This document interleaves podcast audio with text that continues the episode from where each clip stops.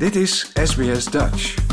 Op sbs.com.au slash Dutch staan nog meer interessante verhalen. Het is weer de tijd van de maand. We gaan podcast bespreken met Eka Eif. Was het moeilijk deze maand om er weer wat te zoeken? Nee. Oké. Nee. ik, ik heb zo'n lange lijst. Ik kan echt al, als ik er maar drie per keer mag bespreken, dan kan ik, weet ik bijna al tot het eind van het jaar wat ik kan doen. En dan komen er natuurlijk weer. Nieuwe. Precies, dus wat moet het nou? Misschien moeten we Ja. maar twee keer in de maand een uitzending gaan maken. Oh, oh, oh. Nou, laten we dat dan eh, even overleggen. maar eerst de, de aflevering van vandaag. Vertel, wat is de eerste? De eerste die heet De Erfenis. En dat is de nieuwe podcast van Audiocollectief Schik. En Audiocollectief Schik zou je misschien kunnen kennen van de veelgeprezen podcast Bob. In deze podcast, De Erfenis, zijn er zes afleveringen van rond de 45 minuten. En hierin vertellen Nele Eckhout, Siona Houthuis en Meerke Kist verhalen van mensen die worstelen met een erfenis die hun ten deel is gevallen en die daar iets aan proberen te doen. In hun kenmerkende, meeslepende, betrokken en literaire stijl onderzoeken ze manieren waarop de al dan niet zichtbare krachten van een erfenis zich door ons leven vlechten. Er zijn zes afleveringen, die beslaan vier verhalen. Het verhaal van Toos en zijn familie, die bij de dood van een oom voor enorme schulden komen te staan, met gevolgen die verder reiken dan ze ooit hadden kunnen denken. Dan is er het verhaal van Iris, daar haar moeder verliest op haar zestiende en achterblijft met stapels dagboeken en brieven. Daar drijft een geheim uit naar boven, dat het beeld dat ze van haar moeder heeft doet kapseizen. Op zoek naar antwoorden voor haarzelf, maar ook voor haar vader, spreekt Iris met de vriendenkring van haar moeder en komt uiteindelijk uit bij een geheime liefde van haar moeder. Het derde verhaal gaat over twee zussen die het ware verhaal achter het huwelijk van hun ouders ontdekken.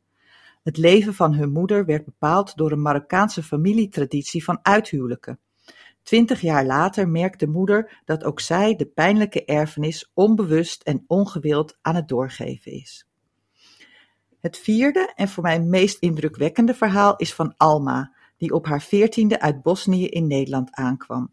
Ze draagt herinneringen met zich mee aan de oorlog waarin ze opgroeide en in het bijzonder aan de val van Srebrenica in juli 1995. Tijdens die dagen verdween haar vader. En in de hoop dat de Nederlandse staat kan helpen, klopt Alma's gezin hier aan. Maar al snel blijkt dat Nederland hun herinneringen niet onder ogen wil komen en zelfs miljoenen euro's uittrekt om ze te ontkrachten. En daar hebben we een fragment van. Alma weet dat als Nederland de rechtszaak wint, dat deze versie in de maatschappij zal belanden. Een versie waarin de hekken van de compound opengingen en zij vrijwillig naar buiten liepen. Een versie waarin ze evengoed hadden kunnen binnenblijven, maar dat gewoon niet deden.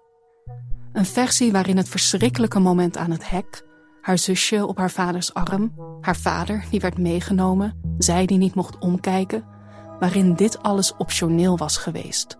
Een keuze. Net als het lot van haar vader, nadat hij uit beeld was verdwenen.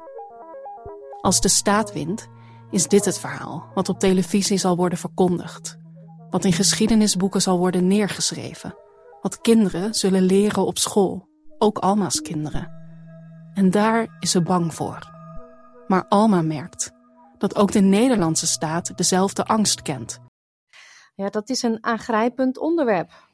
Ja, dat is het zeker. En uh, ik ken het verhaal van Srebrenica heel goed, omdat ik toen in de media werkte in 1995. Maar ik vond dit ontzettend aangrijpend, omdat het verteld werd vanuit een Bosnisch perspectief. En wij hebben het verhaal zo ontzettend gehoord vanuit een Nederlands perspectief, van het perspectief van de blauwhelmen.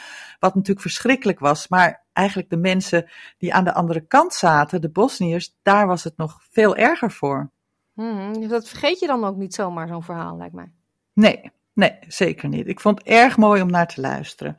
Een podcast van Schik vergeet je sowieso niet snel. En op het snijvlak van literatuur, hoorspel en journalistiek ontrafelen de makers verhalen waarbij je als luisteraar wordt meegenomen van kleine intieme gesprekken naar verbazingwekkende plotwendingen.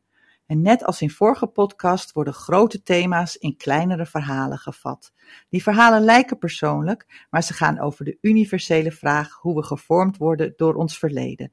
Het is prachtig, echt het luisteren waard. Ja, prachtige verhalen, maar ik moet wel bekennen, jij stuurt me altijd een lijstje met eh, de titels van de podcast die je graag wil bespreken. En dan verscheurd door de wolf, dat sprak mij dan toch wel aan, want ik dacht, zal het gaan over de wolf? Ik kom zelf uit het oosten van het land, ik weet dat daar de wolf steeds meer terugkomt. Is dit het? Ja, dat is het, absoluut.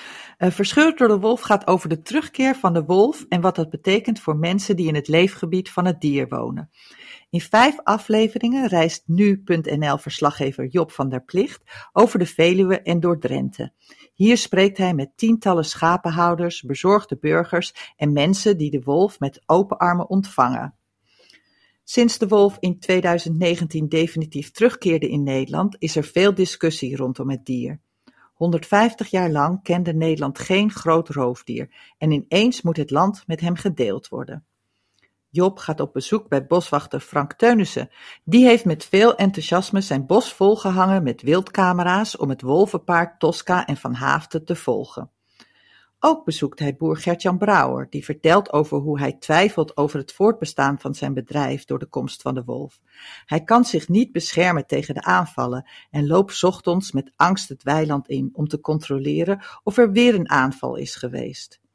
Schapenhouder Elle van der Zweep vertelt ook over zo'n aanval. Ja, en voor de luisteraars, het is nogal heftig wat ze beschrijft. Dus uh, dat even vooraf als waarschuwing. Je gaat de wei in en uh, je kan niet geloven wat je ziet. Er horen 300 dieren te staan. En de hele boel is overstuur. En waar je ook kijkt, liggen verscheurde schapen. Ja, met de poten omhoog, eruit gerukt. Halve hoofden eraf, lammetjes uit de baarmoeder ja, ik, ik kan je dat gewoon niet beschrijven. Je, je, ja, je ziet gelijk gaten in de kudde en dan weet je dat er iets aan de hand is. Zo, als een kudde bij elkaar staat en een moeder krijgt een lam, dan zondert hij zich ook af van de kudde. Zo zien we heel snel of een moeder gaat bevallen. Dan staat hij alleen. Dan is er altijd iets. Een schaap staat niet alleen. En we zagen poten omhoog in plaats van uh, op de grond. Ja, en dan ga je rondlopen en oh hier een, oh hier nog één, oh nee, kijk die. En ja, nou, uh, dan is het einde zoek natuurlijk. Ja, dat lijkt me voor die boeren ook heel traumatiserend. Ja, het is afschuwelijk. En uh, Job zoekt ook uit waarom mensen zo bang zijn voor wolven. En na dit fragment kan je dat gewoon heel erg voorstellen. En in de laatste aflevering gaat hij ook op zoek naar oplossingen. Hoe het wel mogelijk zou zijn om samen te leven met de wolf. Wat ik zo mooi vond aan deze podcast is dat Job echt de verschillende kanten van de wolf laat zien zonder zelf een standpunt in te nemen. Het is super informatief, je krijgt echt een goed inzicht in de problematiek en je kan je bij iedereen inleven en voor iedereen begrip opbrengen. En zoals zo vaak is er jammer genoeg niet een eenduidige oplossing te vinden. Nee, want dan zou die er al wel geweest zijn, hè? Ja, ja. ja. Maar uh, zou jij uh, met veel plezier in een bos wandelen op de Veluwe nu? Of, uh... Ja, dat denk ik wel. Ben jij dan wel een beetje bang? Nee, ik ben, ik ben niet bang, nee. We dwalen een beetje af, maar ik ben in Canada geweest en daar heb je beren en dan moet je gewoon heel veel lawaai maken. Dat zou ik ook met, de wolf doen als ik bang zou zijn. Ja. Dan zijn ze zo weg. Ja. Ja. Nou, laten we gaan met, verder gaan snel met de podcast. De laatste, culturele bagage. Ja, Culturele Bagage is een wekelijkse podcast van de Volkskrant en hij gaat over films, series, boeken en andere popculturele verschijnselen die blij maken, verbazen of ontroeren.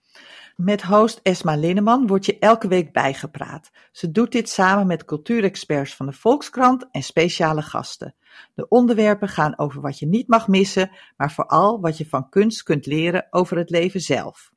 De afleveringen duren een half uur en er zijn er al meer dan 70 met uiteenlopende onderwerpen als een wereld vol Swifties, het wondermedicijn Ozempic, vibrators in de HEMA, B&B vol liefde, praten over geld, de film Tar, Roald Dahl en nog veel meer.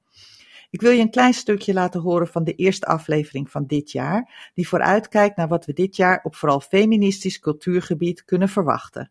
Ja, het, het, is een hele bijzondere carrière die vrouwtje heeft doorlopen. Eigenlijk een ongelofelijke carrière. Zij begon met uh, het, het, liedje Groter dan ik. Dat had ze geschreven twee jaar voor corona al, maar dat lag op de plank. En dat kwam toen uit tijd, toen de pandemie net losbarstte. En dat werd toen het anthem van de coronatijd, zo'n beetje. Ook omdat ze in, in haar tekst kon je iets zien over zorg over de klimaatcrisis. Ja. De wereld stond in de fik, zong ze. Maar het vuur is groter dan ik. Ja zij kon dan niet spelen. Dus ze had niet een normale carrière dat je eens in een kleine club eens een keer een optredentje gaat doen. Uh, maar ze was super populair door dat nummer. Het was ook echt steengoed. En toen de, de pandemie over was, werd ze de grootste podia opgeslingerd, echt. Dus uh, zij leerde op een groot podium hoe ze zich moest gedragen op een groot podium. Nou, dat heeft natuurlijk geen één band uh, meegemaakt. Nee, nee, krankzinnig. En daar uh, vertelde ze ook over in het interview hoe ontzettend moeilijk dat was, maar ook hoe, hoe makkelijk ze zich daar toch aan heeft aangepast. Ja. Ik had ook oude video's ge gekeken van haar eerste shows op echt hele grote, hele grote stages van de, de festivals. Vergeleken met haar nieuwe shows, nou, dat is een enorm verschil. Ja. En ze zei ook van, ik stond daar uh, in het begin met een, ik haalde mijn microfoon niet uit bestandaard, dat durfde ik niet. En nu loopt ze heen en weer, ze, ze wijst naar het publiek, ze sleept iedereen mee in haar waanzinnig mooie teksten. Ja. Dus een gigantische do uh, carrière doorgelopen, eigenlijk in een hele korte tijd. Ja. Ja, wat vind jij hier zo goed aan? Tenminste, ik neem aan dat je het goed vindt, want anders had je deze podcast niet uitgekozen om te bespreken. Het klinkt misschien wat suffig, maar Culturele Bagage is een van mijn nieuwe favoriete podcasts. Ik vind het heerlijk om elke week een half uurtje bijgepraat te worden over wat er in Nederland op cultuurgebied gebeurt. Het zijn toch dingen die je hier in Australië niet zo gauw hoort. Het zijn geen zware onderwerpen. Esma is altijd enthousiast en geïnteresseerd en je krijgt toch net wat meer achtergrondinformatie dan wat je in een krantenartikel of op Google Nieuws leest. Wat mij betreft, abonneer je op deze podcast zodat je elke week wat gezelligs hebt om naar te luisteren. En als je helemaal om bent, kan je natuurlijk altijd terug naar alle eerdere afleveringen. Ja, ik hou wel van een beetje muziek en ik uh, heb het idee dat dat best regelmatig voorbij komt in deze serie. Dus eentje voor mij om in de gaten te houden. Zeker, ik denk dat je dit leuk zou vinden. Dankjewel voor deze maand. Tot snel. Tot de volgende keer weer. Like, deel, geef je reactie. Volg SBS Dutch op Facebook.